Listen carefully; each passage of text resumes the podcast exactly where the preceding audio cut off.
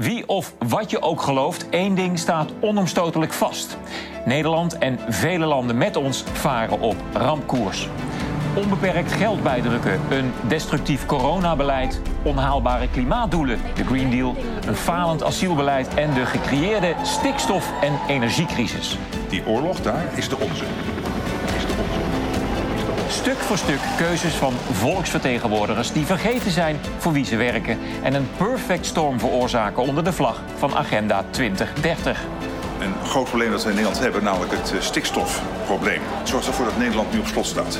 Jij en ik, de burgers, betalen de prijs. Financieel, maar ook met het verlies van fundamentele burgerrechten.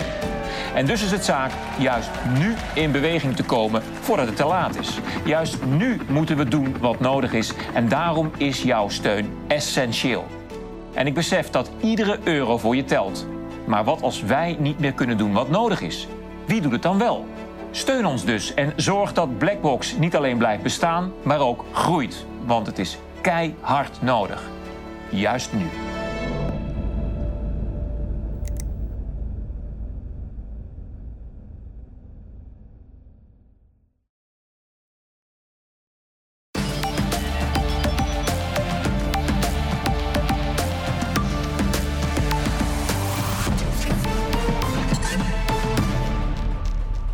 Uit een gelekt voorstel blijkt dat de Europese Unie grootschalige biometrische massasurveillance mogelijk wil maken in openbare ruimte.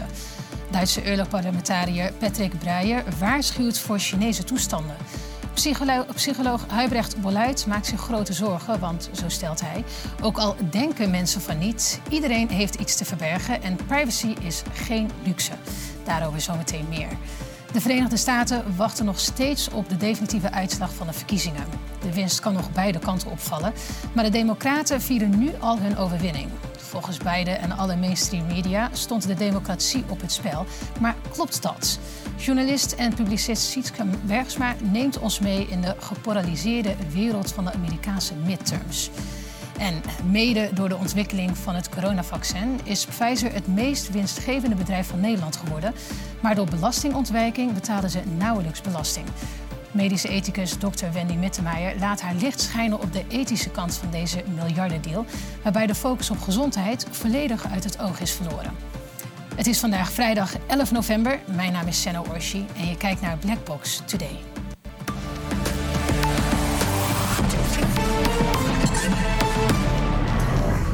Hele goede avond voor alle kijkers thuis en een goede avond voor mijn gasten. Dokter Wendy Mittermeijer, Oteman, medisch ethicus... en daarnaast gezondheidspsycholoog Huibrecht Beleid en Sietske Bergsma, journalist. We beginnen traditiegetrouw met het nieuws van de dag. Wat is jouw item vandaag? Ja, mijn item is een uh, nou mooie kop in de Telegraaf. Of mooie kop, het is in ieder geval een uh, verontrustende kop. Zorgverzekeraar CZ, uh, we zien hier de bestuursvoorzitter Joep de Groot... die zegt, we kunnen niet meer garanderen dat zorg altijd voor iedereen toegankelijk is. En nou ja, waar doelt hij op? Als je het artikel leest, dan uh, heeft hij het over de wachtlijsten in de zorg. En uh, ja, hij zegt eigenlijk, ja, de grens van het zorgsysteem is bereikt. En uh, wij kunnen straks niet meer aan onze zorgplicht voldoen. zorgverzekeraars hebben een wettelijk gezien een zorgplicht. En ja, hij trekt aan de bel. En ik vind dat opvallend, omdat een zorgverzekeraar dit signaal afgeeft. En ja, de grote vraag is natuurlijk ook, wat gaat dit concreet betekenen? Dus wie gaan straks ja, buiten de boot vallen? Dat is zorgelijk. Wat is jouw item vandaag, Huibrecht? Nou, mijn item sluit een beetje aan bij wat Wendy uh, zegt. Uh, in dit geval gaat het over auto's. Die blijken in de toekomst waarschijnlijk niet meer voor iedereen betaalbaar. En dat heeft alles te maken met strikte regels van de EU. Hè. Er komen elektrische auto's aan. Auto's moeten van het gas en de diesel en de benzine moeten elektrisch. Maar dat heeft, uh, dat heeft natuurlijk ook gevolgen voor de portemonnee. En deze meneer die hier in beeld staat is meneer Tavares. Die heeft onder andere Jeep, Peugeot en nog wat auto, automerken onder zijn beheer. Die zegt ook, we moeten er wel voor waken dat niet alleen uh, de happy few straks nog in een auto kan rijden, maar ook de gewone man. En ja, de auto staat natuurlijk symbool voor vrijheid. En als straks de massa slechts nog gebruik kan maken van uh, het openbaar vervoer in de smart cities. Of deelauto's, hè? Of deelauto's. Krijg je dat idee? Ja, daar waar... Dat is ook geen vrijheid natuurlijk. Nee, is ook geen vrijheid. En de, de, de bovenlaag nog volledig uh, kan doen wat hij wil in de eigen auto. Mm. Nou, ook is dit, dit is zorgelijk mogelijk sluit een beetje aan bij wat je ook zegt. Over wie gaat het dan als het niet voor iedereen is weggelegd? Ja, dan wordt het opeens een luxe. Ja. ja. En Sietske? Mijn nieuws van de dag is een, uh, mag ik wel zeggen, een prachtig uh, opinieartikel. Een ingezonden brief van uh, Felix van der Wissel, huisarts Felix van der Wissel en Jorine Hammink. Ook arts, meen ik. Ik weet niet precies wat voor arts. Maar um, ja, prachtig betoog wat ze hier voeren. Eigenlijk van, voordat we verder gaan met, die, met de boosters en de herhaalprikken... moeten we niet eerst eens even gaan kijken hoe dat zit met die oversterfte. Want er zijn niet alleen maar wat, wat geluidjes over. Er is inmiddels al veel meer bekend over de oversterfte. De percentages in oktober 16% meer. De mensen zien een correlatie, willen nog niet een kausaal verband leggen. Artsen willen er al helemaal vaak niet aan. Maar... Nou, wel, wel hier uh, immunoloog Theo Schetters aan tafel. Die had ja. inderdaad wel een kausaal ja. verband gelegd. Ja. Um, maar die uitzending is offline gehaald. Ja, maar het lijkt alsof de overheid wil dit verhaal gewoon een soort negeren, weet je wel. Het verhaal, het is niet eens een verhaal, het is een serieuze ver, ja, verdenking eigenlijk. Hè, van er is misschien of waarschijnlijk wel echt een, uh, een, verband. En wat zij hier, een belangrijk punt wat zij in dit stuk maken, is ook van de farmaceutische industrie heeft eigenlijk de bewijslast ook om uh, dit te onderzoeken. Het is niet van, nou, het is misschien wel of niet zo, maar zij moeten aantonen dat het niet zo is. Dus waarom er niet mensen overlijden een week na de prik. Uh, dus dat is, dat is natuurlijk een opvallend statement, wat veel mensen niet weten, denk ik. Uh, ja, dit is weer zo'n olifant in de kamer die volgens mij echt niet zomaar weggaat. En uh, ik ben blij dat, dat er artsen zijn die hier in, in zo'n grote krant als dit dus wel aandacht voor vragen. Want dit, is, dit moet echt nog dit moet boven water komen, inderdaad. Ja. ja, en wat ik nog zou willen nuanceren is, ja. hè, we noemden net al Theo Schetters. Die heeft inderdaad een correlatie laten zien tussen het aantal herhaalprikken en de oversterfte. Maar die zegt ook heel duidelijk, dit betekent nog niet dat er een kausaal verband is. Nee. Dus, maar hij vraagt wel om onderzoek. Dus daar mm -hmm. sluit dit opiniestuk denk ik heel mooi bij aan. Hè? Ja. Want we weten gewoon niet wat de oorzaak is. Ja, in elke andere situatie zou dat natuurlijk normaal zijn. Als je een product maakt, of, een, of, of het nou een voedsel is of, of een, uh, iets anders... waar mensen ineens dan toch ja, misschien wel van aan overlijden... ja, dan zou meteen iedereen erop duiken. Wat opvalt is maar dat successen wel willen delen. Hè? Dat, dat ja, zie je nee, wekelijks uh, waar het allemaal niet goed maar voor ja, is. Kijk, de implicaties natuurlijk ook van wat als het zo is. Hè? Moet je je voorstellen wat daar dan... Maar je wil ook die onrust wegnemen, kan ik me voorstellen. Ja, in normale is, tijden is, wel, ja. ja. belangen. Denk nou, in, de uitzending, in de uitzending excuus, had uh, Theo Schets er uitgebreid inderdaad over gehad. Hij refereerde ook naar een uh, peer-reviewed onderzoek... Um, die uitzending is helaas offline gehaald. Daarom gaan we wel in een. Uh, ja, dat, dat gaan we juridisch uh, uh, verder aanpakken. Zodat de rechter daar nog een besluit over kan vormen. En aanstaande maandag is de honderdste uitzending. En dan gaan we uitgebreid met artsen over dit soort onderwerpen. die normaal gecensureerd worden, praten. Ja, Dankjewel voor, jou, voor het aanstippen van jouw nieuws van de dag. Het is vrijdag, dus dat betekent dat jij mee kan praten en vooral vragen kan stellen aan onze panelleden. Jasmijn zit boven op de redactie om al jullie vragen op te vangen en te selecteren. Yes, hey Senna. Inderdaad, wat je zegt, vrijdag kijkersvragen. Dus mocht je thuis uh, een vraag willen stellen aan een van de gasten aan de desk, dan kan je ze indienen via de Telegram-app en dan ga ik daarvan een, een selectie maken. Mocht er in de tussentijd nog breaking news zijn dat ik uh, jullie niet wil onthouden, kom ik eerder bij je terug. Dankjewel, Jasmijn. We zien je straks aan het einde van de uitzending weer terug. Uit een gelekt voorstel blijkt dat de Europese Unie grootschalige biometrische massasurveillance mogelijk wil maken in openbare ruimte. Duitse Europarlementariër Patrick Breyer waarschuwt voor Chinese toestanden. Psycholoog Huibrecht Bolluit maakt zich grote zorgen, want zo stelt hij, ook al denken mensen van niet, iedereen heeft iets te verbergen en privacy is geen luxe. Ja, over dat uh, verbergen, daar kom ik straks even op terug. Misschien kun je ons eerst even uitleggen wat, wat zo'n biometrische massasurveillance dan inhoudt. Wat moet ik me daarbij voorstellen? Nou, heel eenvoudig voorgesteld. Je hangt een heleboel camera's op in een bepaald deel van de stad of een bepaald deel van het land. En daarmee meet je niet alleen platte beelden. Hè. Je, je, registreert niet zoals een foto gewoon een plaatje, maar je kijkt ook uh, naar het gedrag van mensen. Je kijkt naar hoe ze zich tot elkaar verhouden. Je kijkt naar kleding, je kijkt naar gelaatsuitdrukking, je kijkt naar kapsels. Alles wat aan een individu en aan de dynamiek tussen individuen zichtbaar is, dat breng je in beeld. En daar wordt ook op geanalyseerd. Dus uh, biometrisch betekent dat je fysionomische uh, data verzamelt, maar ook fysiek, maar ook psychologische. Dus, dus er wordt heel erg op je gelet. Nog meer dan dat je moeder ooit deed, bij wijze van spreken. Ja, en dus ook onderzocht. Het wordt geanalyseerd. Ja, ja dat noemen we dan slimme camera's. Hè. Er wordt natuurlijk vanuit alle hoeken en, en, en gaten uh, geobserveerd naar wat mensen doen. En ja, die, die interpretatie die wordt dan natuurlijk ook later geduid met modellen en algoritmes. Dus dat is heel, heel gevaarlijk, naar mijn idee. Um, daar wil ik het dan zo wel over hebben. Waarom dat mogelijk gevaarlijk is voor een samenleving en voor een individu. Uh, we hebben in China bijvoorbeeld uh, gezien, dat weten we, dat, dat, dat, dat weten de meeste mensen ook, dat, dat ze daar al een beetje op weg zijn met zo'n zo'n massasurveillance systeem. En daar hebben we een video van, misschien ter introductie van waar het over gaat, dit item, goed om te zien. Ja, voor de mensen die nog geen beeld hebben bij wat er eigenlijk allemaal in China gebeurt, hier bij een video.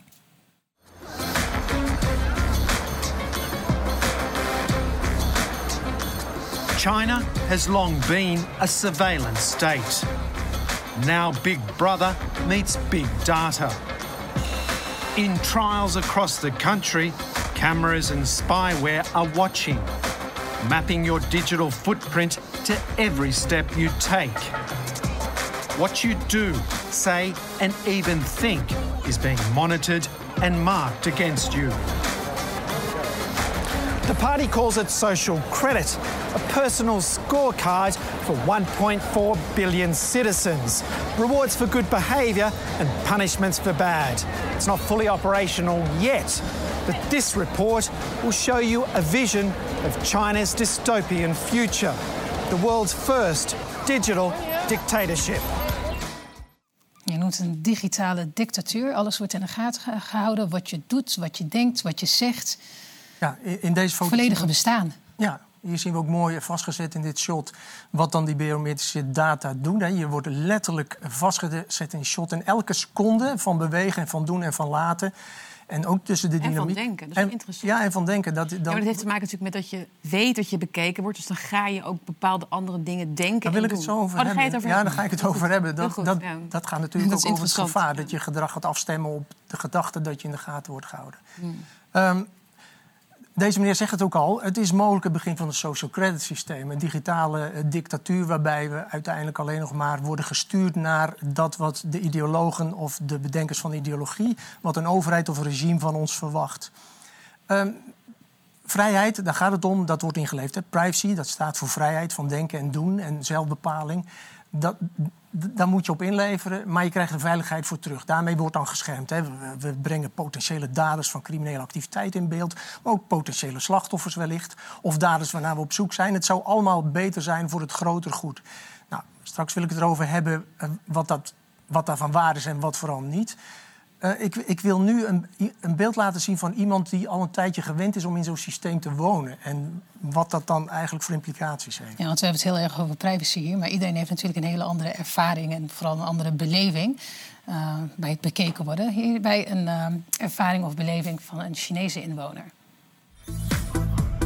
That her every action will be tracked and judged is fine by her.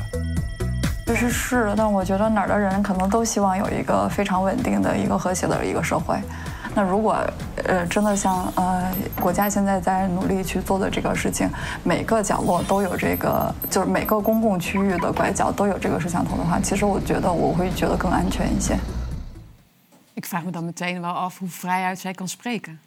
Ja, hierover. nou, hè? Want nou ja, dat, daar daalt je so- social credit ook mee. Hè? Als je uh, regime, uh, uh, anti-regime uitlatingen doet. Ja, nog, nog dieper eigenlijk. Haar perceptie op, op het begrip privacy en, en, en uh, zelfbeschikkingsrecht is waarschijnlijk ook veranderd doordat ze gewend is om in zo'n systeem te leven. Mm. Dus dat doen we ook. Hè. Als we gewend zijn om bekeken te worden, dan passen we ook onze definitie aan op wat we denken wat privacy is. En ook onze doelen. We gaan anders bewegen, we gaan anders spreken, we gaan, we, we gaan anders samenwonen. We gaan, we, heel de dynamiek in, in een maatschappij uh, verandert. Nu denken de meesten bij het zien van deze beelden... ja, dat is de ver van mijn bedshow, dat is in China... maar daar zijn we hier nog lang niet. Nou, die mensen kan ik uit een uh, droom halen... want hier zien we een foto van protesterende Leidse studenten... In Leiden had de universiteit bedacht om daar ook maar eens 300 camera's op te hangen... om de studenten ook nauwkeurig in de gaten te houden. Niet alleen of zij wild plasten of kauwgom onder de stoelen plakten... maar om elk gedrag te meten. Ook uiterlijk, kleding, weer de interdynamiek tussen mensen. Gelukkig kwamen ze in, in, in actie, deze studenten. En, en nou, laat ze tot voorbeeld dienen voor vele studenten in Nederland. eh, want Het was eind vorig jaar, hè? Dat Het ze was- in opstand kwamen. ja, uiteindelijk is dat project niet doorgegaan. Dat waren ook slimme camera's overigens, net zoals we die kennen vanuit China. Niet met de bedoeling, alsnog voorlopig, niet met de bedoeling om al die data te meten, maar het kan er Zo alvast begint het wel Ja, zo natuurlijk, begint ja. het inderdaad wel. Dus we zien hier dat, dat, dat privacy, ehm, ja, dat is een heel groot goed, maar het is zo ook uit je vingers weggeglipt. Ik heb, ik heb nog een foto meegenomen en dat, dat, dat gaat over een voorstel wat mevrouw Kaag deed, bijvoorbeeld om die, eh, die, de uitgaven te monitoren. En Als het, als het gaat over het afnemen van privacy en het controleren van je doen en laten, had mevrouw Kaag nog een extra idee, een maand of, of een paar weken geleden, ik weet niet meer hoe lang geleden precies, maar zij zei van alle eh, uitgaven boven de 100 euro, die moeten we maar eens gaan monitoren. Ook daar krijgen we veel meer grip op criminaliteit. En zo zie je dat het net zich sluit rond privacy en je privacy steeds kleiner wordt. Eigenlijk wordt ook veiligheid steeds als argument gebruikt om dit te doen. Ja. En ik kan me ook voorstellen, net zag je zo'n donkere parkeergarage... waar die Chi- Chinese vrouw over had. Ja, dan kan ik me voorstellen dat het wel legitiem is om zo'n camera op te Maar hangen. die hangen er ook al. Die hangen er ook Maar aan die de- meten verder niks. Nee, precies. Maar zo'n collegebank of dit is natuurlijk alweer een stap verder. Ja, niemand zal erop tegen zijn om, om, om donkere garages te bewaken. Alleen het is een glijdende schaal. En eh, met deze overheid, die we wellicht kunnen vertrouwen... alhoewel daar ook twijfels over ontstaan. Maar goed, laten we vanuit gaan dat die nog geen, geen kwade bedoeling hebben. Maar wat doen we met een volgende overheid, of een, of een regime wellicht... Die, die die data die opgeslagen zijn deze jaren... over een tijdje nog eens uit de kast trekken en kijken... of jij eh, met zo'n grote aanspraak op je zorgverzekeraar... eh, niet de patatzaak in en uit ging. Want ze hebben privacy, privacy opgeven is altijd een opmaat naar misbruik Ja. van overheden. Ja. Dus het- hoe meer, je, hoe meer me- overheden van je weten, maar dat geldt ook voor bedrijven, hoe meer ze ja, jou kunnen inzetten voor Ja. bepaalde ja, doelen. Hè. Dus het gedrag wat ze willen zien, maar ook. Ja. Maar dat geldt dus niet voor, nie- voor nu. Dat is iets wat in het verleden zo is geweest. Begrijp ik dat goed dat je dat zegt? Nou ja, in, in het recente verleden natuurlijk hebben we gezien dat de privacy... En de vergelijking mag je niet maken met, met wat de Joodse mensen is overkomen. Maar ik doe het toch, want ik wil absoluut het leed niet vergelijken... met het leed wat mensen in de, in de moderne, gelukkige, welva welvarende tijd ervaren. Maar de dynamieken die ontstonden in die jaren... die kun je af en toe toch wel naar deze tijd eh, transporteren. Want ook daar werd privacy plotseling een heel beperkt goed voor mensen... en vrijheid een heel beperkt goed voor mensen. En voor andere mensen eh, was er ruimte genoeg. Terwijl ze die middelen natuurlijk niet eens zo hadden. Maar Nee. de techniek is er natuurlijk nu ook om gewoon iedereen Ja. te observeren en te volgen. Ja, dus misbruik ligt eigenlijk dan op de loer, zeg je. Dus, eh, Ja. Ja. dat- Ja, ja, ja, mensen zijn niet alleen tot het goede geneigd, vaak nog eerder tot het kwade. En als je het niet treft met, eh, met leiders van, eh, van een natie, dan zit je zo met de gebakken peren. Ja, de mensen denken altijd dat zij de goede zijn en niks te verbergen hebben. Ja. Dat is Ja, en het argument. ja, het, het, het paradoxaal natuurlijk, elke leider ook van een kwalijk regime, die denkt dat hij het goede doet. Hè? Ja. Ja. Ja. Ik kan natuurlijk vraagtekens zetten bij de, eh, eh, bij de, psychische, bij de psychische toestand van, van, van bedenkelijke leiders. Maar toch, iedereen handelt. Maar daarmee praat ik het gedrag natuurlijk allerminst goed. Die CBDC, hè, daar gaat het ook, ook over. Je- Zo zie je dat op tal van fronten. We hebben eh, supermarkten die, eh, waarmee ge- geëxperimenteerd wordt om met een QR-code binnen te, eh, binnen te komen. En, en, en camera's volgen wat je uit de schappen haalt. Nou, QR-code zijn we mee bekend. De CBDC die in de maak is, hè, digitale euro. Eh, deze fratsen, uiteindelijk is het zo dat, dat we steeds eigenlijk meer afgeknepen gaan worden. En ja, ik wil privacy eigenlijk nog wel even gedefinieerd hebben, omdat het zo belangrijk is om te weten dat het een fundamenteel recht is van mensen. Iedereen moet het recht hebben om te kunnen bepalen wie, wanneer, op welk moment en op welke wijze jou ziet. Jij moet je dus met andere woorden kunnen onttrekken aan het zicht van iedereen wie je maar wil. En dat kan met zo'n systeem niet. Wel zolang ze alleen maar in de parkeergarage hangen, maar niet op het moment dat straks uiteindelijk dat systeem doorevalueert. Want nu wordt er gezegd we gebruiken het alleen in noodtoestanden en we beginnen in bepaalde zones. Maar dat is natuurlijk een rekbaar begrip. Voor je het weet, hangen die kamers overal en, en, en Ja. wordt het, wordt het Ja, continu je, je, je vastgelegd. krijgt ook het panopticon-effect. Ik weet niet of je dat kent. Hè, Dat, is- dat, heb mag je je even uitleggen. Ja, dat is eh, in gevangenissen dat je een toren in het midden hebt... en dan zitten alle gevangenen daaromheen. En er zit er maar één bewaarder eigenlijk bovenin. En, Ja. die, die, en die ramen zijn dan donker. En die, die, die gevangenen die weten helemaal niet of ze op dat moment gezien worden. Maar het idee dat je kan worden gezien... dus door één iemand, met, met z'n allen...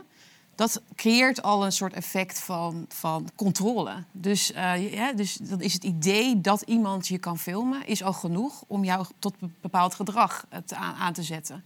Dus dat is het ook vaak. Het is niet eens dat je die camera's ziet, maar weet, je weet op een gegeven moment niet meer waar je nog wel en waar je niet ongezien bent. Nou, dat, dat, dat, dat, is het, dat is het punt. Nou, dat is het ongezonde ook. En Ja. dan wil ik even een minuutje de psychologie induiken. Want ik wil ook geduid hebben waarom dit heel kwalijk is voor de ontwikkeling van een gezonde mens. Op het moment dat je geen persoonlijke eh, sfeer meer hebt, geen ik-ruimte meer hebt, waarin je kan onttrekken aan- de blikken en, en de geluiden. en uit je neus kan eten. nou, ik kan veel meer dingen verzinnen, maar die, die ruimte is nodig. Niet alleen voor kinderen in ontwikkeling, maar ook voor volwassen mensen. Je moet kunnen contempleren, je moet kunnen uitageren, je moet tot jezelf kunnen komen. Nou, tegenstanders van mijn eh, talk zullen, zullen zeggen van ja, je hebt toch je slaapkamer of de keuken, er hangen geen camera's, daar kun je tot jezelf komen. De wereld is meer dan alleen je slaapkamer of je woonkamer. Daarbuiten moet je ook kunnen zijn wie je bent. En moet je ook kunnen doen en denken en uitageren wat je wil. Natuurlijk zijn daar grenzen, maar daar zijn camera's niet voor nodig. Dus die, die, die- voor de, een gezonde emotionele ontwikkeling is het belangrijk dat je autonomie kan ervaren. Maar ook dat je sociale verbindingen kan aangaan. Op het moment dat ik weet dat hier een camera hangt, die hangt hier dan nu toevallig wel. Maar met een ander. vragen we ons ook Ja. nu, Huibrecht. Maar met een ander doel dan dat wij denken, dan gaan we onze sociale interactie er ook op aanpassen. Dus onze verbinding krijgt maar één kleur. En die kleur heeft de lading van onderdanigheid. Want we worden gezien, dus we moeten naar de norm handelen zoals die wordt opgedragen. En echt kuddegedrag ook ja, dat is, en dat, dat is zorgelijk. Dat is het gevaar. Dus we krijgen een samenleving die oplegt hoe we ons moeten gedragen... en die bovendien met dit idee uitgaat van het slechte van de mens. We hangen camera's op omdat we weten dat mensen tot het slechte in staat zijn. Dus dat willen wij voor zijn. Wordt, zo wordt het verkocht aan ons. Maar dat doet dus veel meer, want dat doet dus in de directe interactie tussen ons mensen al genoeg. Dus, en dan krijg je DDR-tafereelen met de Stasi. Dat je je buurman niet meer kan vertrouwen. Want ja, hoe vaak is hij al gefilmd op een verkeerd moment? Met die wil ik niet gezien worden, et cetera, et cetera.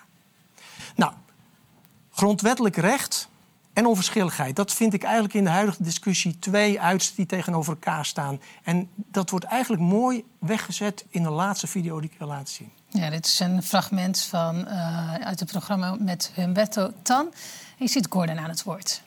Ik heb daar totaal geen moeite mee. Ik bedoel, ik Heb je niks te verbergen? Ik heb niks te verbergen. En het wordt bij iedereen, wordt mag bij iedereen in- weten? Nee, dat gaat, weet je, dat is onzin. Nee maar, nee, maar het is maar een voorbeeld. Nee, Dat maar ik dus bedoel, mijn privacy... Sta, ik sta ook op internet. Als je het KVK intoetst, dan weet je ook mijn adres. En ik heb allemaal mensen die langskomen... en allemaal op een foto willen of weten van... Who cares, weet je wel? Ik bedoel, wat, wat maakt het uit? Ja, dat is de, de tegenwoordige tijd.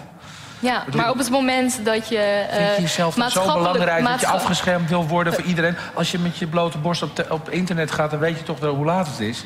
Het gaat niet per se om mij, het gaat om de grondrechten Nee, in de democratie. van, eh, als je Ja, kijk, zo kan je er ook in staan, hè? zoals Gordon dat, dat doet. Van, ja, Ja, hebben cares? Nou, verbergen, who cares? Deze man zich zelden in de media als een groot denker laten zien, maar dat terzijde.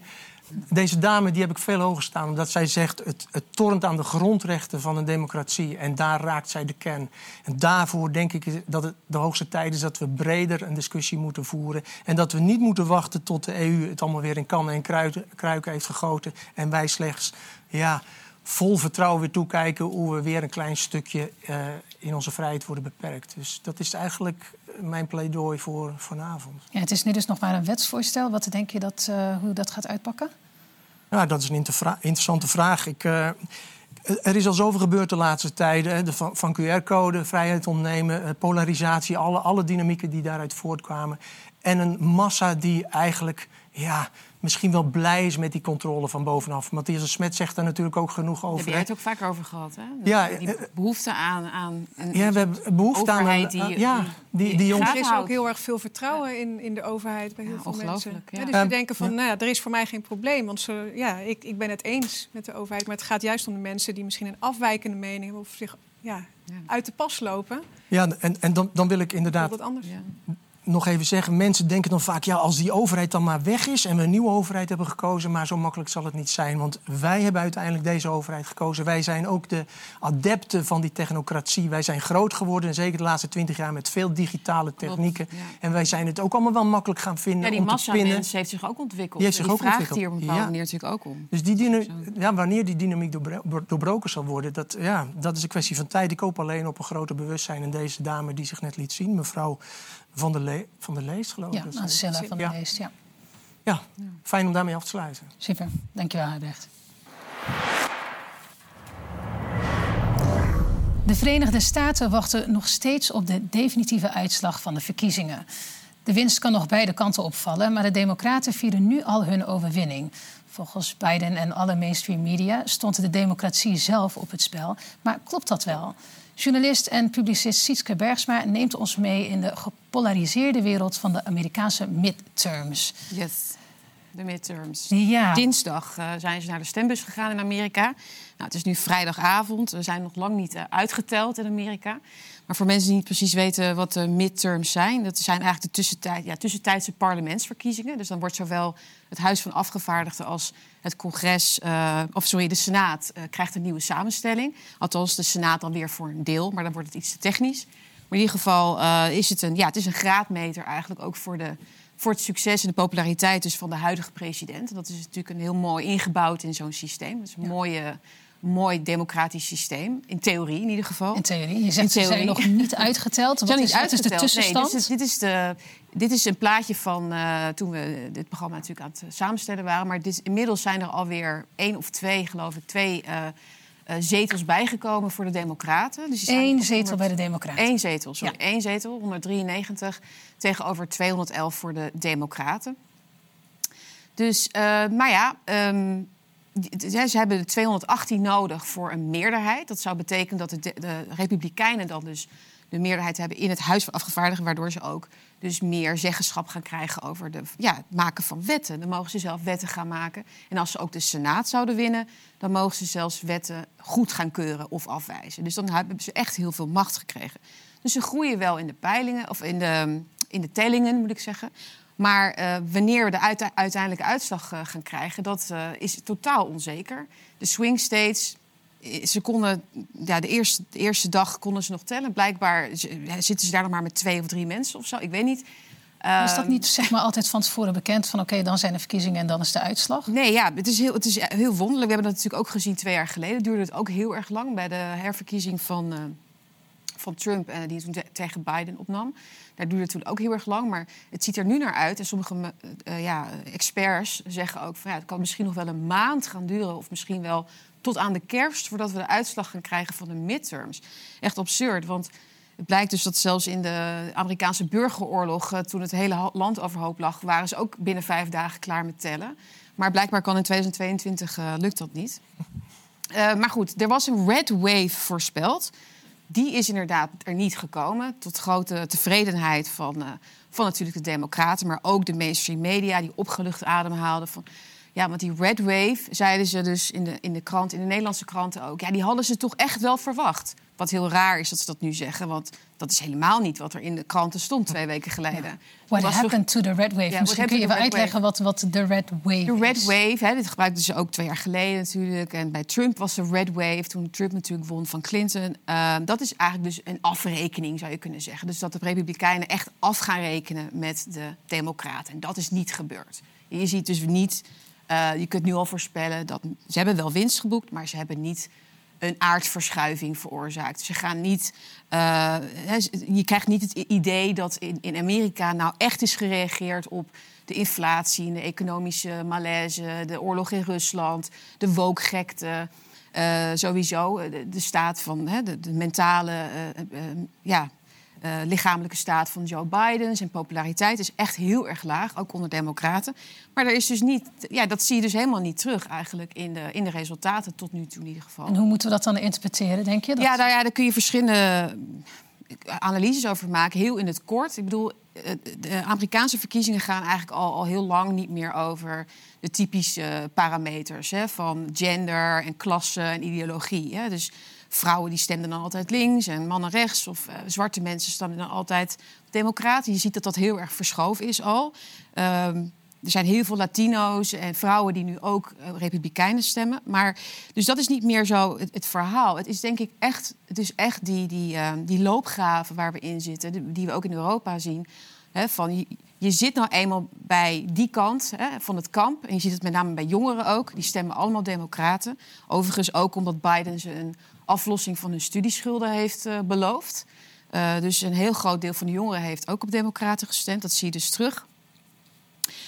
Um, maar ja, Biden uh, die heeft, die heeft het dus wel. Die vindt het een goede, goede dag voor Amerika, voor de democratie. Is dat ook een tactiek dat je dingen belooft die na de midterm gaan plaatsvinden? Uh, kun je het nog even herhalen? Is dat een tactiek, dat je dingen belooft... Ja. die dan na de midterm gaan plaatsvinden?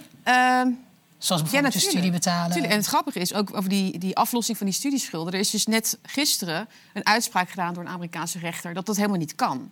Hmm. Dus hij heeft dus iets beloofd wat dus niet kan. Maar ja, voor de, voor, hij had, het ging hem natuurlijk om die dinsdag, dat die jongeren dat natuurlijk dan Dus wel. je stem al binnen. Precies. En abortus speelde ook een belangrijke rol voor de Democraten. Ik vraag me af hoe groot dat effect is, maar dat was natuurlijk een heel heikel punt.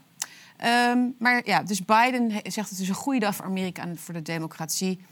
Ja, alsof een machtswissel, hè, wat normaal is in een democratie, een slechte dag voor de democratie zou zijn. Maar dat is waar ze het heel erg op hebben gespeeld eh, de afgelopen weken. Al, Hè, een soort van fascisme ver- versus democratie of zoiets. Absurd. Ehm, Dat is wel een belangrijk punt, hè? Want wat bedoelt hij daar dan mee? Hoezo is het dan een goede dag? Nou ja, omdat ze, hij heeft ook de State of the Union gehouden dit jaar. Met die, met die enorme retoriek van eh, wij, wij, we staan tegenover de semi-fascists. En dus de helft van het land, want daar hebben we het dan wel over ongeveer. Die dus eh, republikein eh, zijn of stemmen. eh, die heeft hij weggezet echt als eh, ja, gevaarlijke extremisten eigenlijk. Dus zij zien deze strijd, de Democraten en Biden, als een strijd voor ja, het behoud van zoiets als democratie.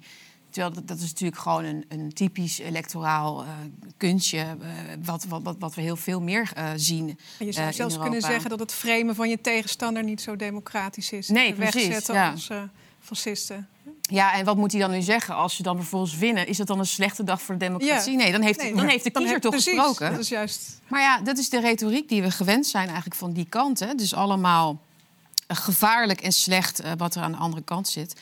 En dat is ook de manier waarop ze alleen maar kunnen winnen. Is echt dat, we echt dat haat zaaien en die, eh, die angst inboezemen. Ehm, maar goed, Mag ik dus, iets zeggen ja. over, over de, de, de verwachte uitslag? Hè? Dat er eigenlijk Ja. weinig verschoven is. Gisteren kwam er een onderzoek voorbij. Dat ging dan over polariserende democratieën. Bij herverkiezingen blijkt dat er eigenlijk niet zoveel verandert. Nee, klopt, De, de, ja. de groepen hebben zich al ingegraven en zelden stapt de ene nog over naar het andere kamp. dus we Absoluut, kunnen ja. met een gerust hart, en dan spreek ik even namens kabinetsleden, laat het Nederlands kabinet vallen. Bij herverkiezingen verandert er heel weinig. Dat is, dat is, ik dat hoop is het blijkbaar een soort maar dat Je zou verwachten dat de electorale zwaartekracht in deze tijd zou zijn... dat iedereen, Nee. Dat iedereen natuurlijk tegen die, die ellende stemt die ze om zich heen Opvallend, zien. ja. Eh, Ja. Oorlog, wie wilde nou oorlog? Wie wilde nou zoveel inflatie?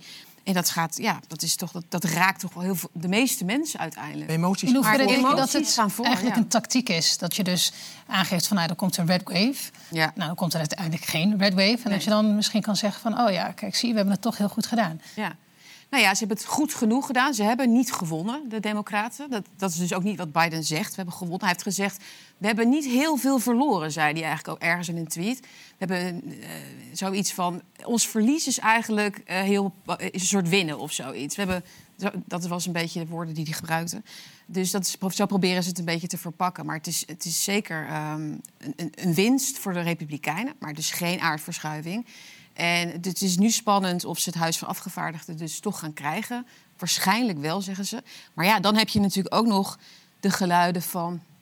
Hè, de reden, wat is de reden waarom het zo lang duurt, dat tellen? Waarom gaan er ineens bij sommige stembureaus ineens camera's Wie krijgt het Huis van Afgevaardigden? Dat is Republikeinen. de Republikein, Ja. oké. Dus hè, we hebben net gezien, die, eh, het is 211 tegenover 194. Maar democraten lopen nog wel een beetje, beetje in.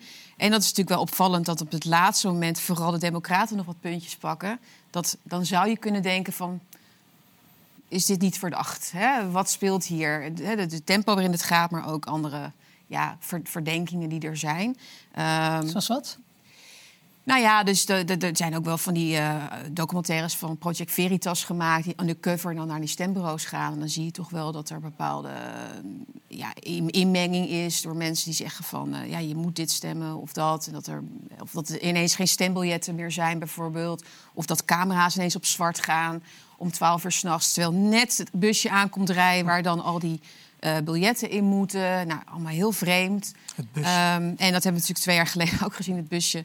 Maar ja, weet je, het, het, eh, het harde bewijs is er gewoon nog niet. Ehm, en ja, maar in ieder geval hebben ze het, is het nu zo dus voor, voor Biden dat hij ehm, ja, niet zoveel heeft verloren dat hij Russische inmenging kan gaan gebruiken. Achtig. Dus het, is een het, is een, het lijkt een geloofwaardige uitkomst, soort van. Maar uiteindelijk willen de Republikeinen natuurlijk gewoon eh, ja, hebben, die, hebben die maar één belang. Dat is gewoon dat, het, eh, dat ze toch echt winnen. Eh, waren nou, wie zijn nog- dat dan bijvoorbeeld? Wie zijn nou de echte uitblinkers eh, geweest? Eh, Trump was natuurlijk een beetje op de achtergrond. Eh, hij was nog wel het boegbeeld. Hè, dus hij heeft eh, heel veel kandidaten gesteund, openlijk en zo. Daar is ook veel kritiek op geweest. Maar de grote uitblinker, de grote ster eigenlijk van deze campagne... Of, en, en, was eh, Ron DeSantis in Florida. En die, eh, ja, die heeft eh, een grote overwinning behaald daar. Laten we even gaan kijken. Even een, een, een, eh, kleine toespraak van gouverneur van Florida. Well, thank you so much. You know, over these past four years, we've seen major challenges for the people of our state, for the citizens of the United States, and above all, for the cause of freedom. We saw freedom in our very way of life, and so many other jurisdictions in this country wither on the vine. Florida held the line.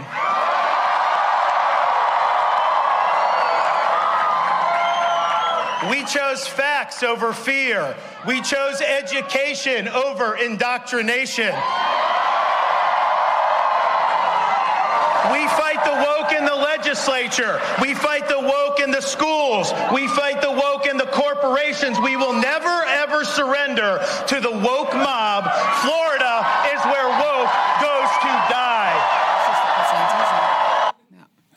Ja, en die uitslag was ook redelijk snel binnen. Dus dat was een opsteker voor de Republikeinen natuurlijk. Van oké, die hebben we binnen. En dat is een belangrijke staat. Weet je. Die, die steken ook een beetje de ogen uit van de rest van Amerika. Het schijnt ook dat heel veel mensen daar naartoe willen verhuizen nu. Omdat het daar vrij is, min of meer. Eh, maar, ehm, dus dat is een mooi, eh, mooi voorbeeld van eh, iemand die echt de democraten uitdaagt op dit moment. Maar we hebben ook een, eh, een opvallende winnaar gezien eh, van, aan, de, aan, de, aan de democratische kant. Dit is, dit is moet ik even kijken, zijn voornaam, John. Ja, John Vetterman is dit. En die heeft een ja, onverwacht eigenlijk gewonnen van Dr. Ols. Misschien kennen sommige mensen Dr. Ols nog wel. Die zat vroeger altijd bij Oprah. Dat is een hartchirurg, maar die is de politiek ingegaan. En eh, die was echt wel een favoriet. Hè? Dus eh, een, een hartchirurg, dus wel iemand die eh, nou, betrouwbaar is en zo waarschijnlijk. Maar ze kozen voor deze meneer, een beetje een showveel figuur eigenlijk. En niet bepaald strak in het pak. Dus het is weer een mooi beeld eigenlijk van hoe dus... Ja, ook, ook met een hele andere stijl en een hele andere look, eh, zeg maar, ook eh, kunt Daar winnen. klopt dat niet onder, denk je? Nee, nee, nee. Want zijn kinderen hebben ook allemaal hoodies op en zo op het podium. En het is een beetje een soort van, laat het allemaal maar lekker, lekker gaan. En Arizona is de race nog gaande, hè? Ja, daar is de race nog gaande. Daar is, eh, en daar is Carrie Lake. Dat is, eh, zij wordt ook wel Trump on heels genoemd. eh, omdat zij ja, een bepaalde karakter misschien heeft, ook maar dan op hoge hakken. Hetzelfde als, Tr- als Trump, een beetje die pittige stijl, zeg maar. En ehm, ja, zij had een hele mooie ehm, boodschap ook eh, voor de media in haar, eh, in haar contact met, eh, in een interview. Carrie Lake, kandidaat voor Arizona. I want just to follow up on his question, if I may. If Donald Trump announces, as expected, to be president, and you win the governorship of Arizona, you're likely to be talked about as a VP candidate. Will you? Do you plan to serve your entire term in Arizona, or are you open to being the VP? Are you new covering this race? Because we've talked about this before. We've talked about this. I've answered these questions. I am going to not only be the governor of Arizona for four years, I'm going to do two terms. I'm going to be your worst freaking nightmare for eight years. And we will reform the media as well. We're going to make you guys into journalists again. So get ready. It's going to be a fun eight years. I can't wait. Yes, get ready. It's going to be fun eight years. Hoe kijken jullie hier naar? Nou, ik vind het mooi dat ze ook een boodschap heeft voor de journalistiek. Dat, eh, dat vind ik hier soms in het Westen, nou, laten we het even bij Nederland houden. Die journalistiek vind ik soms wel van een bedenkelijk niveau hier. Je hoort vaak maar één geluid. Hè, dat, eh, de- Waar, wat hier bedoel je? Hier- hier? Nou, letterlijk niet hier op deze plaats. Wij doen ons best om juist eens een ander geluid te laten Je horen, een kunt- ander perspectief in je te kunt nemen. het doortrekken naar hier. hoor, Want hier, hoe hier ook over de, deze verkiezingen is gesproken, is ook heel gekleurd. Je doet hier in Nederland, niet hier bij Black Nee, ik bedoel Nee, dus niet niet hier hier, bij maar- Blackbox. Ja. Nee. misschien maar krijgen dat we- was jouw doorvraag met de kwinkslag natuurlijk. Nee, hier brengen we ander nieuws. Kritisch nieuws. Waarbij, zijn, dan krijgen we echt eh, eh, goede... worden we uitgedaagd door... nou ja, wellicht... eh, dat is alleen maar goed, toch? Ja, maar ze heeft gewoon een belangrijk punt ook hoor. Want eh, CNN zei bijvoorbeeld ook: ja, als je iets hoort over oneerlijke verkiezingen. de- die, je mag helemaal geen vragen stellen daarover. Letterlijk op CNN werd er gezegd: stay off social media, zeggen ze dan.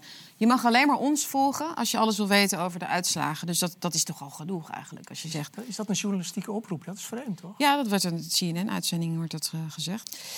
Ten slotte, Siska, het is- ja. we weten, We kunnen nog heel veel over wanneer, is, zeggen, wanneer, weten wanneer is de uitslag, maar dat weten we dus We gaan het brengen als we, als we de uitslag hebben. Wanneer we het weten. Ja. Dankjewel voor je bijdrage. En mede door de ontwikkeling van het coronavaccin is Pfizer het meest winstgevende bedrijf van Nederland geworden. Maar door belastingontwijking betalen ze nauwelijks belasting. Medisch ethicus Dr. Wendy Mittermeijer laat haar licht schijnen op de ethische kant van deze miljardendeal, waarbij de focus op gezondheid volledig uit het oog is verloren. Jij bent medisch ethicus, jij adviseert in de medische wereld. Ehm, maar kun je toch even uitleggen wat een ethicus precies doet? Ja, ik noem mijzelf in, de- in de farmaceutische zorg meestal medisch en ethisch adviseur, omdat ik advies geef. Dus ik, eh, ja, ik adviseer in het dagelijks leven vooral aan farmabedrijven in, eh, in het bijzonder. En wat ik daar doe, is eigenlijk advies geven over bijvoorbeeld hun marketingcampagnes. V- Voldoet de marketingcampagne wel aan de ethische regels die zijn opgesteld? Ehm, de patiëntengroep waar de campagne zich op richt, is dat wel de juiste doelgroep? Worden er geen grenzen overtreden? Dus je zou me een beetje kunnen zien als de inspectie binnen de bedrijven. En eh, ja, dan zit je eigenlijk op het grensvlak tussen aan de ene kant het commerciële belang en het patiëntenbelang. Dus eigenlijk de stem van de patiënt binnen het bedrijf. En eh, ja, dat, dat schuurt wel eens. Maar als het goed is, in een gezonde situatie, gaat dat natuurlijk hand in hand. Ja. En, eh, En dan even toch nog begrip ethiek. Ethiek. Ja, voor de kijkers die het niet weten. Want Ja, we gaan er ethiek altijd is maar vanuit het het vakgebied weet. waarbij je je afvraagt van wat is het goede om te doen. Waarbij je ook probeert als eh, ethicus om ja, de, de zaak van verschillende kanten te belichten. Dus je probeert de verschillende perspectieven eh, ja, eigenlijk eh, uit te diepen en te bevragen. Lijkt een beetje Ja. op goede journalistiek Het eigenlijk. zijn gewoon mo- morele Ja. vraagstukken. Ja, morele eh, vraagstukken. Ja, ja, over goed, eh, goed en fout. Ja. En dat is meestal niet zo zwart-wit natuurlijk. Nou, dan komen we bij Pfizer. Ja, bij Pfizer. Ja, want eh, vandaag is eh, in het nieuws gekomen, dus eh, ja, trok mijn aandacht dat ja, er waren verschillende krantenkoppen, waaronder ook Volle de Money. Die, Volle de Money die had een artikel daarover geschreven, maar het is ook opgepikt door verschillende kranten. Dat corona- en belastingtrucs maken van Pfizer het meest winstgevende bedrijf van Nederland. En ehm, ja, zoals eh, de meeste mensen zullen weten, eh, heeft Pfizer torenhoge winsten gemaakt. Mede dankzij de. 22 miljard was het volgens mij. Ja, 22 miljard in 2021. Ja, hebben we het dus over de winst. Hè? Dus de omzet is natuurlijk veel hoger. Ehm, ja, en een vraag die dan natuurlijk kan opkomen eh, is... nou ja, wat, wat vinden wij daar ethisch van als samenleving? Dus ik stel die vraag nu, maar ik denk dat heel veel kijkers ook denken van... goh, in crisistijd is er zoveel winst gemaakt. Eh, nou ja, wat, ja, is dat eigenlijk nog wel proportioneel? En eh, nou ja, zeker als je dan leest dat er belastingtrucs zijn toegepast. Ehm, ja, dan heb je dus eigenlijk, ja, dan is er geen, niet zozeer belasting ontdoken. Hè, dan heb je echt een wet overtreden. Dat is hier niet het geval, dat wil ik wel even benadrukken. Maar ze hebben wel gekeken hoe ze hier natuurlijk maximaal fiscaal van kunnen profiteren met allerlei constructies. Belasting ontwijken. Ja, precies. Dat is meer ontwijking. Ehm, even kijken. Nou ja, het, het fiscale gedrag van, ehm, van de vaccinindustrie was al eerder negatief in het nieuws. In eh, 2021 is ook al bericht dat Moderna bijvoorbeeld ook gebruik maakte van de zogenaamde belastingparadijzen. Nou, misschien even wat toelichting. Eh, de, de miljarden die de Europese Commissie toen aan Moderna betaalde, die werden eh, rechtstreeks overgemaakt naar Zwitserland, omdat dat fiscaal gunstiger was. Maar ook bijvoorbeeld de patenten van het vaccin van Moderna zijn ondergebracht in Delaware in Amerika, omdat dat nou ja, ook gunstig is vanwege de royalties. Dus eh, dit is niet nieuw. Het is ook niet iets wat alleen Pfizer doet. Hè. Ook sowieso multinationals kijken natuurlijk altijd naar allerlei constructies binnen de mazen van de wet, zou ik willen zeggen. Eh, om eh, ja, zo min mogelijk belasting te hoeven af te dragen. En omdat het geld dan binnenkomt op een buitenlandse rekening, Ja, betaal precies. je een belastingpercentage van dat land. Ja, inderdaad. Er zijn verschillende constructies. Het gaat misschien wat ver om het allemaal toe te lichten. Maar inderdaad, wat bijvoorbeeld eh, het geval is bij, bij Pfizer... eh, is dat ze bijvoorbeeld in een land winst maken. Dus daar is het vaccin verkocht. Maar dan wordt, het, eh, wordt de winst eigenlijk doorgesluist naar een ander land... waar de belastingtarieven bijvoorbeeld lager zijn. Dus dat, is een, eh, nou ja, dat mag ook. Eh, maar ja, dan heb je natuurlijk eh, maximale winst. Ehm, nou ja, wat ik ook wel eh, interessant vond, was dat ook ehm, ehm, Vincent Kiezenbrink van een stichting, de Stichting Onderzoek Multinationale Ondernemingen. Ehm, dat is iemand die de, de belastingmoraal van farmaceuten bestudeert. Die heeft hier ook iets, iets over gezegd en dat kunnen we ook even in beeld laten zien. Eh, hij zegt van ja, dit is officieel natuurlijk niet verboden. Ehm, maar, ehm, nou, ik zal het even voorlezen. Eh, ja, hij zegt, mijn broek zakt af, dus zo geschokt is hij. Eh, we worden beroofd waar we bij staan. De vaccins zijn ontwikkeld op universiteiten, mede met belastinggeld. Nu kopen overheden die vaccins terug voor een flinke prijs met belastinggeld. Toch vindt Pfizer het nog nodig geld te verschuiven naar belastingparadijzen. Dus dit is iemand die zich enorm verbaast over enerzijds, ja, hij noemt het roof. Hè, de, hij zegt, ja, het is ontwikkeld met belastinggeld, gekocht met belastinggeld. Zelfs de marketing is gedaan met belastinggeld. En dus nu vraag wordt er geen belasting betaald. Of je niet het morele vergrootglas dus eigenlijk op de overheid wil gaan leggen. Dus dat zij al het belastinggeld uitgeven, en zulke grote bedragen geven aan de farmaceutische industrie. Ja. En je ziet ook dat Ursula van der Leyen ligt ook, eh, er gaat nu onderzoek naar, loopt nu een onderzoek Ja. naar dat zij zelf per, in persoon een deal heeft gesloten met Pfizer. Ja, van met 1,8 Albert Bourla, de. CEO. Dat is Ja. dus geld wat zij dus geven Ja. aan, de, aan de farmaceuten. En dan verschuiven ze die morale, morele plicht nu eigenlijk naar hun. Van jullie hebben al die winsten gemaakt, maar hoe komt dat? Ja. Dat is natuurlijk Ja, en dan in ook combinatie. makkelijk. Het is ook makkelijk. Precies, voor- ja. Dat. En in combinatie met die belastingtrucs, waarbij je dan eigenlijk ook nog ja, minimaal belasting betaalt. nou, daar vindt eh, meneer Kiezenbrink eh, iets van. En ik ben het daar ook, ook mee eens. Ik vind ook dat we daar ook heel kritisch naar moeten kijken. En eh, ja, Ja, dat dit kapitalisme. zeker in, in crisistijd is het natuurlijk heel vreemd dat er niet meer winst naar de, naar de belastingbetalers terugvloeit, bijvoorbeeld. Nou, de belastingbetaler Ja, heeft natuurlijk moeten het moreel gezag eh, eh, eh, overhandigd aan de, aan de medicijnmakers. En dan, dan, ja, dan, werpt dat, ook, dan roept dat een plicht op bij die, bij die medicijnmakers of vaccinmakers in dit Ja. geval. Om, die, om dat moreel toegekende gezag uit te betalen, letterlijk terug te geven. Ja. En dat is een wederkerigheidsprincipe. Ja, Ik denk dat Ja, ik vind ook dat farmaceuten in het algemeen ook een maatschappelijke rol hebben. En ik denk ook dat dat veel meer besproken moet gaan worden, wat die rol precies is. Ehm, nou ja, wat meneer Kiesbrink ook zegt in deze quote, is dat er ook een flinke prijs is gevraagd. En het is misschien interessant om ook nog te melden dat. ehm, ja, natuurlijk. Flinke eh, prijs door, door eh, Pfizer. Ja, door Pfizer, Pfizer en eh, Moderna heeft het dan hier dan specifiek over Pfizer. Maar het gaat natuurlijk om, eh, om meer fabrikanten. Eh, zo was de, de prijs bijvoorbeeld 15,50 voor een prik van Pfizer. Maar die is vorig jaar, juli, verhoogd naar 19,50. Dus zij hebben dus eigenlijk die prijs ook nog opgehoogd. Ehm, ja, Moderna was het duurste vaccin. Maar niet ieder bedrijf heeft dit gedaan. Bijvoorbeeld AstraZeneca. Die heeft bijvoorbeeld tegen kostprijs een vaccin geleverd. Heeft ook aangegeven, wij willen geen winst maken. Dus daar kan een bedrijf ook keuzes in maken. En ehm, ja, wat interessant is, van waarom doet het ene bedrijf het dan zo? Eh, en eh, ja, heb je bij het ene bedrijf een prijs van, nou, wat was het voor AstraZeneca? 1,78, hè, om een beetje het verschil aan te Tegenover geven. 19 euro. Ja, precies. Dus ehm, natuurlijk zitten er allerlei andere aspecten ook nog aan een prijsstelling. Ja, dat moeten we natuurlijk ook niet vergeten. Maar ik denk dat het wel heel goed is om te gaan kijken... hoe komt die prijs tot stand en waarom zie je daar zulke grote verschillen in tussen bedrijven? En wat zegt het ook over het ethisch gedrag? Maar in elke, in elke branche heb je toch een autoriteit die daarop toeziet. Hoe, zie, hoe zit het dan hier met, eh, met die farmacie? Ja, tuurlijk. Nou ja, uiteindelijk is het, kan een eh, fabrikant natuurlijk vragen wat hij wil. En is het maar net eh, of ja, degene die jou gaat betalen wat hij daarvan vindt. Eh, ja, ja, wat precies de regels zijn, of daar plafonds aan zijn, weet ik niet. Maar ja, je, je ziet hier, hier maak je al uit op dat er blijkbaar enorme verschillen mogelijk zijn. Ja. Maar dat is inderdaad ook wel een interessant eh, aspect nog. Ehm, nou, al in februari vorig jaar werd Pfizer eh, hierover bevraagd. Want zij hadden toen ook al ehm, veel winst gemaakt. En eh, we gaan zo meteen ook even kijken naar een eh, ehm, nou ja, BNR Nieuwsradio fragment. Waarin eh, de medisch directeur van Pfizer, Mark Kaptein, wordt bevraagd over die hoge winsten en de belastingconstructies. En met name hoe hij daar moreel eigenlijk tegenover staat. Nou, ik kreeg een hele kritische vraag gesteld door econoom Yves Geiraat. Laten we even kijken. Vind jij het normaal dat een bedrijf als Pfizer 15 miljard euro extra omzet Ja, 2020, dat is gewoon de praktijk. Met fantastische winsten. Het is jullie gegund.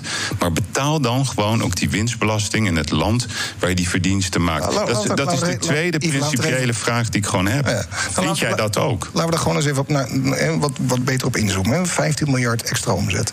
Die 15 miljard, dat, dat is een, een flink bedrag. En Ja, maar dan ga je afwijken. Gewoon Nee, die, nee, die- nee. die simpele vraag. Het is gewoon een hele simpele vraag. de vier vraag is of het oké is, we moeten dat we ook in Vind Nederland niet, hier belasting betalen. Ja, want hier verdien je het geld. Waarom moet er met licenties worden gewerkt via Ierland, via Bermuda, via al die verschillende eilanden, patenten, intellectuele eigendommen wegzetten? Dat is toch asociaal? Vind je dat echt niet? Dat meen ik serieus. Het is, jij bent niet de baas van Pfizer. Nee. Maar die wat vind je er zelf van? lastig pakket. Ja, ik, vind, ik vind wel als je nu. Het is een gemene vraag, maar toch ook Nou, een hele eerlijke ja, vraag. En je krijgt hem ook gewoon van me terug. Want ik denk als je het woord asociaal gebruikt voor een bedrijf wat een wereldreddend vaccin heeft ontwikkeld, vind ik nou niet helemaal de term die hierbij past. Dus ik, nee, maar dat is appels met peren vergelijken. Nou, dat denk ik denk ik helemaal niet. Je hebt het over Pfizer. En dat is Nee, precies dus het antwoord dat ik geef. Ja, maar eh, je, je bent toch ook als bedrijf verantwoordelijk ook om mee te helpen aan een economie. Daar hoort toch ook gewoon winstafdracht bij in het land waar je gevestigd bent. Zij hebben de wereld gered.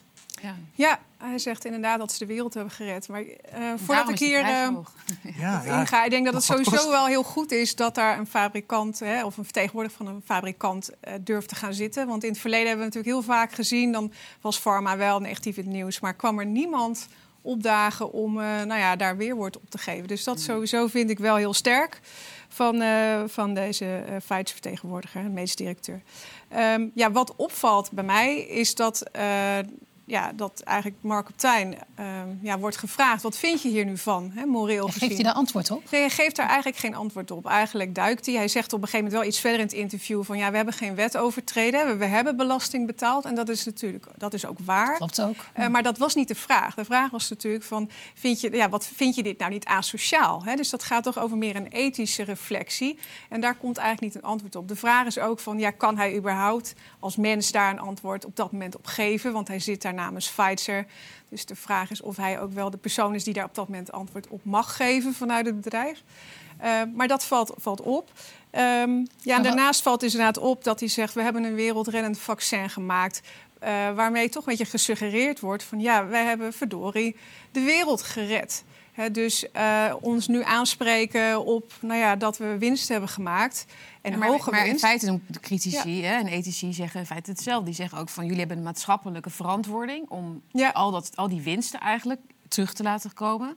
In de economie, zegt Geirad hier. Ja. Maar eh, zij, zij hebben hetzelfde argument. Wij hebben dat eigenlijk al gedaan. Wij hebben toch eh, de wereld gered. We Ja, nou ja, hij zegt eigenlijk inderdaad, Dus is- zoals ik het dan het beluister... we hebben de wereld gered en daarom verdienen we het ook eigenlijk... Hè, dat, we, dat we winst hebben gemaakt. En nou is meneer Gerard ook helemaal niet tegen winst maken... Mhm. maar hij vindt natuurlijk die, die belastingconstructies... en dat ze eigenlijk maximaal probe- proberen te profiteren... daar heeft hij denk ik eh, een probleem mee. En ik, ja, en ik denk meer Het is eigenlijk een kritiek op het kapitalisme. Ja, ja, Dan moet je breder trekken. Ja. En een ander probleem is misschien ook wel, je zegt van, eh, nou, hij zegt wereld redden.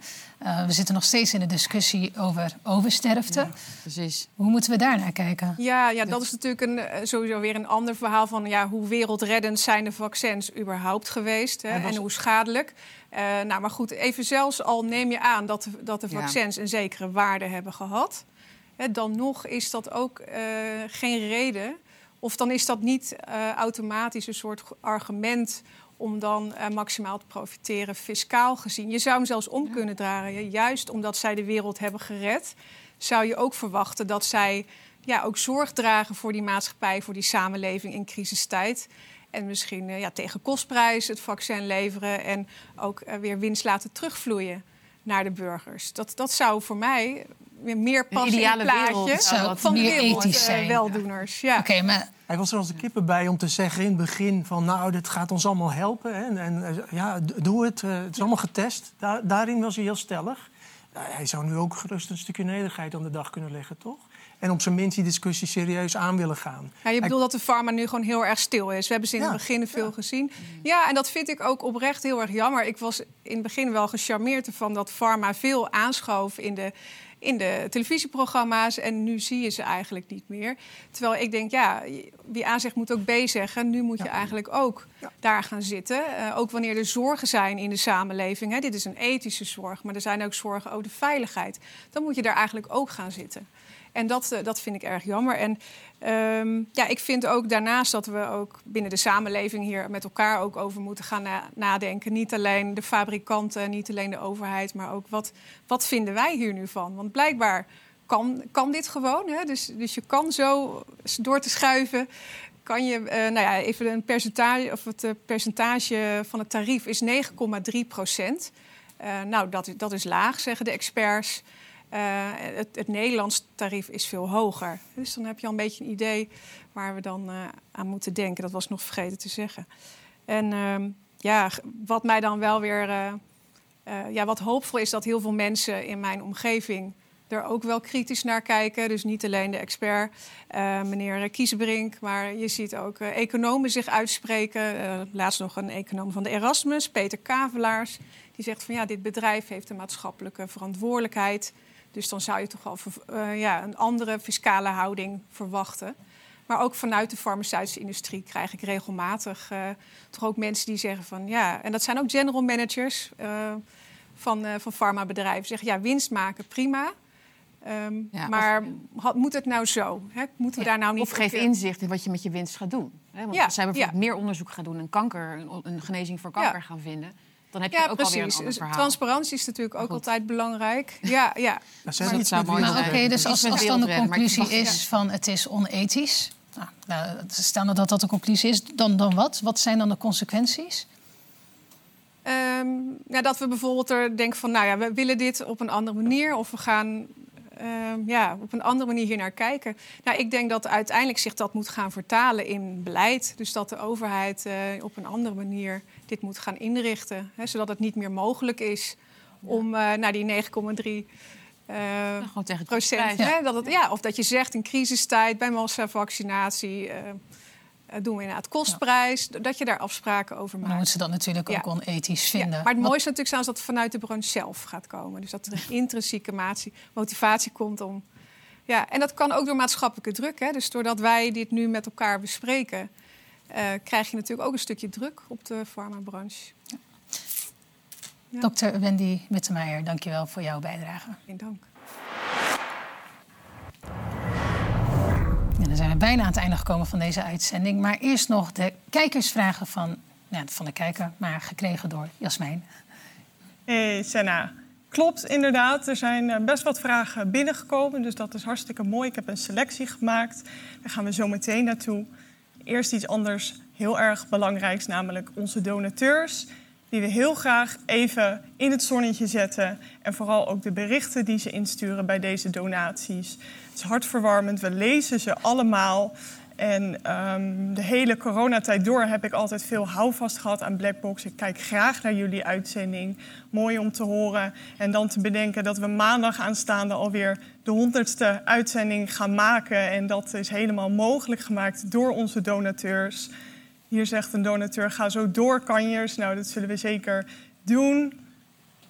Zo belangrijk wat jullie doen. Dit verzet moet blijven bestaan ja, het, het is uh, hartverwarmend om dit allemaal uh, te lezen. En uh, we willen heel graag ons geluid blijven verkondigen. En dat is mogelijk door jullie, door onze donateurs. Maandag inderdaad alweer de honderdste uitzending. En ja, het is fantastisch om, om, om deze berichten te lezen. Dank daarvoor. Dank voor jullie donaties. En dan gaan we nu inderdaad naar de kijkersvragen. En dan ga ik de eerste kijkersvraag voor Huibrecht in beeld laten brengen. Daar komt hij. Huibrecht. Hoe kunnen we de digitale dreiging zoals in China nog stoppen voor de toekomst in Nederland en hoe? Vraagt een kijker zich af. De vraag kwam er niet helemaal goed Ik zal het nog even voor voorlezen. Kunnen we de digitale gevaren, dreiging, uh, die op ons afkomen, nog stoppen voor de toekomst van Nederland? En zo ja, hoe?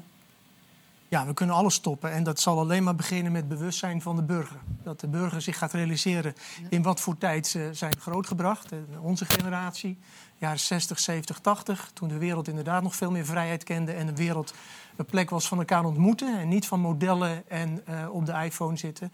Eh, dat besef brengt ons wellicht terug naar wat wel waardevol is in het leven. Dan kun je ook aan religie denken, aan spiritualiteit. Maar in ieder geval dat het leven uit veel meer bestaat dan alleen maar koele cijfers en data die je kan manipuleren waarmee je uiteindelijk tot een bepaald doel kan komen. Dus bewustzijn van een andere realiteit dan waar we nu in leven. En ook het idee dat we daartoe met z'n allen de kracht hebben, dat is heel belangrijk. Dat we daarvan overtuigd zijn.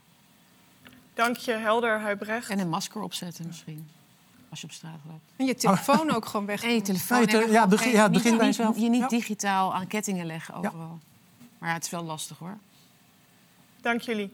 Eh, dan eh, de vraag voor Sietske. Daar komt hij. Ik laat hem in beeld brengen. En die luidt... Het zijn eigenlijk twee vragen. Maar eh, ik dacht, misschien zijn ze allebei eh, goed om te stellen. Eh, welke invloed hebben deze verkiezingen op Nederland? En in hoeverre zou de uitslag van deze verkiezingen frauduleus of onbetrouwbaar kunnen zijn? En volgens mij ben ik op die tweede vraag net al een beetje ingegaan. Hè, dat er aanwijzingen zijn dat het fraudeleus is. Al in ieder geval eh, zijn er eh, onregelmatigheden, laat ik het zo zeggen. Eh, dat, als dat zo is, dan zal dat pas later in de toekomst waarschijnlijk eh, uitkomen. Maar de eerste vraag, dat was geloof ik, hoe, wat is de... Bij zowel de Democraten als de Republi- Republikeinen wordt dit gezegd, toch? Ja, dat is, dat is eh, uniek eigenlijk voor deze verkiezingen. Zowel Clinton bijvoorbeeld, die deed een, een uitgebreide eh, aanklacht eigenlijk aan de Republikeinen. Van jullie, jullie zijn van plan om eh, deze verkiezingen te gaan stelen enzovoort. Was, had ze echt helemaal een soort statement gemaakt ervan. Dus het is over en weer worden die verwijten nu gemaakt. Dus dat is heel typisch. Kan dat hier ook in Nederland? Kun- kunnen verkiezingen gefraudeerd worden? Uitslagen? Ja, daar moeten we misschien een andere keer Laten we het even op duiken. eh, Amerika Maar houden om, om echt de eh, kijkersvraag te beantwoorden.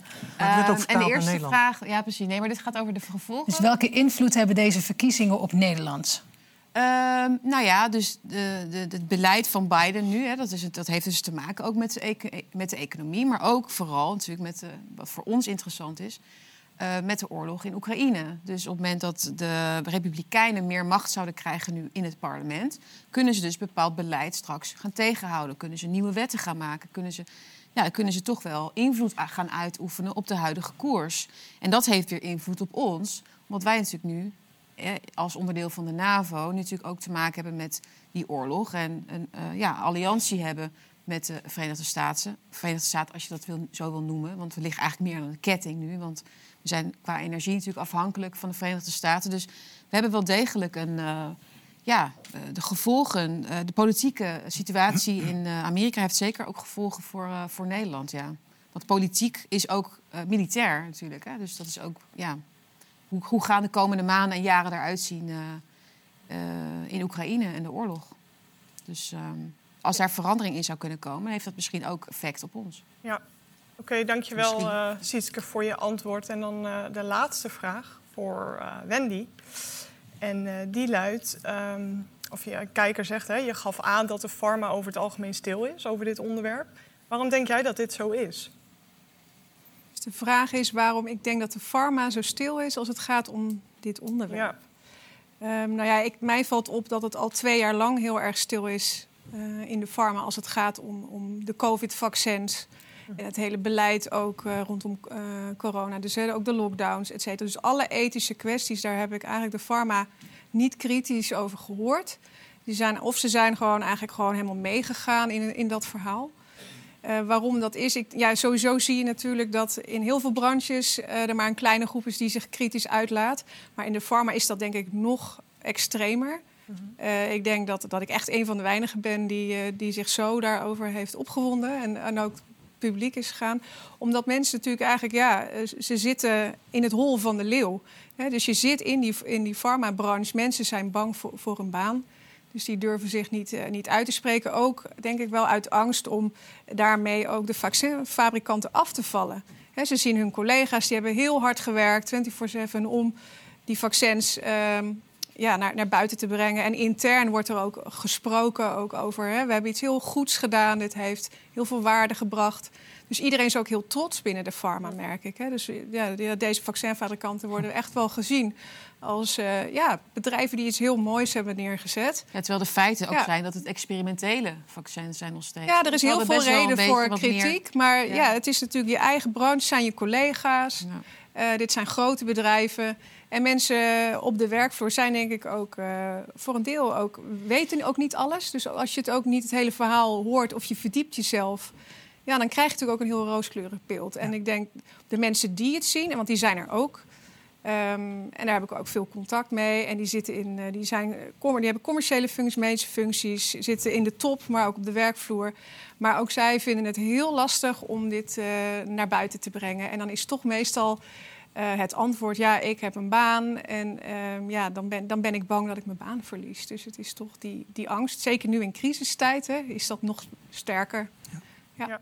En dat is heel, heel jammer, want ik denk dat het enorm zou helpen om meer balans te krijgen en uh, om de discussie meer op gang te krijgen, open te breken. Als ook mensen in de farmaceutische industrie op een genuanceerde manier. Hè, want ik, ik werk ook nog steeds in de pharma en het heeft hele mooie kanten.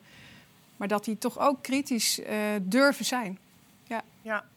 Dankjewel uh, Wendy voor je uitgebreide antwoord. En ik wil de kijkers bedanken voor jullie betrokkenheid en de vragen die jullie hebben ingediend. En Fijn weekend. Excuus. Terug naar jou, Senna.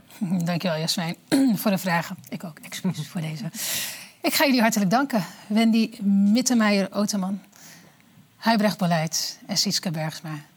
Aanstaande maandag, dan, uh, op 14 november, dan zijn we weer terug met de honderdste uitzending. En dan gaan we het helemaal anders doen. We hebben veel meer gasten aan tafel. We hebben 100 man publiek boven. En dan gaan we terugblikken op vier belangrijke dossiers: economie, corona Oekraïne en stikstof. En over corona zal uh, Flavio Pasquino, onze hoofdredacteur op de redactie, in gesprek gaan met een heleboel artsen. En dat gaan we helemaal censuurvrij doen. Dus het zal ook een uitzending zijn die waarschijnlijk YouTube niet gaat halen. Of in elk geval, daar zal het niet op blijven. Dus kijk vooral live mee aanstaande maandag om 7 uur.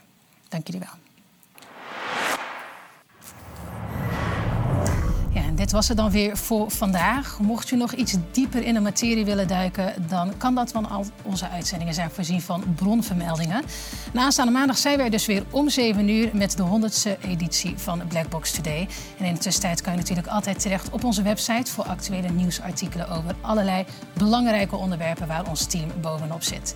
Daarover gesproken, we willen het team graag gaan uitbreiden.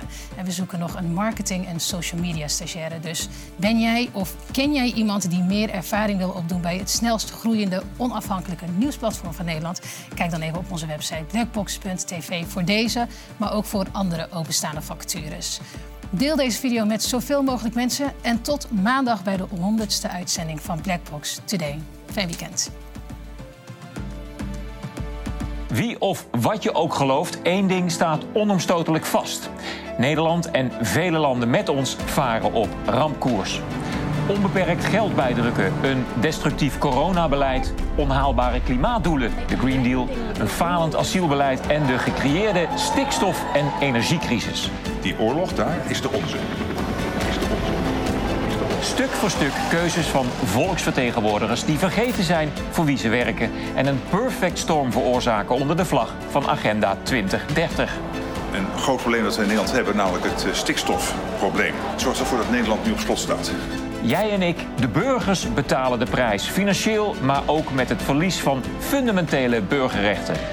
En dus is het zaak juist nu in beweging te komen voordat het te laat is. Juist nu moeten we doen wat nodig is en daarom is jouw steun essentieel.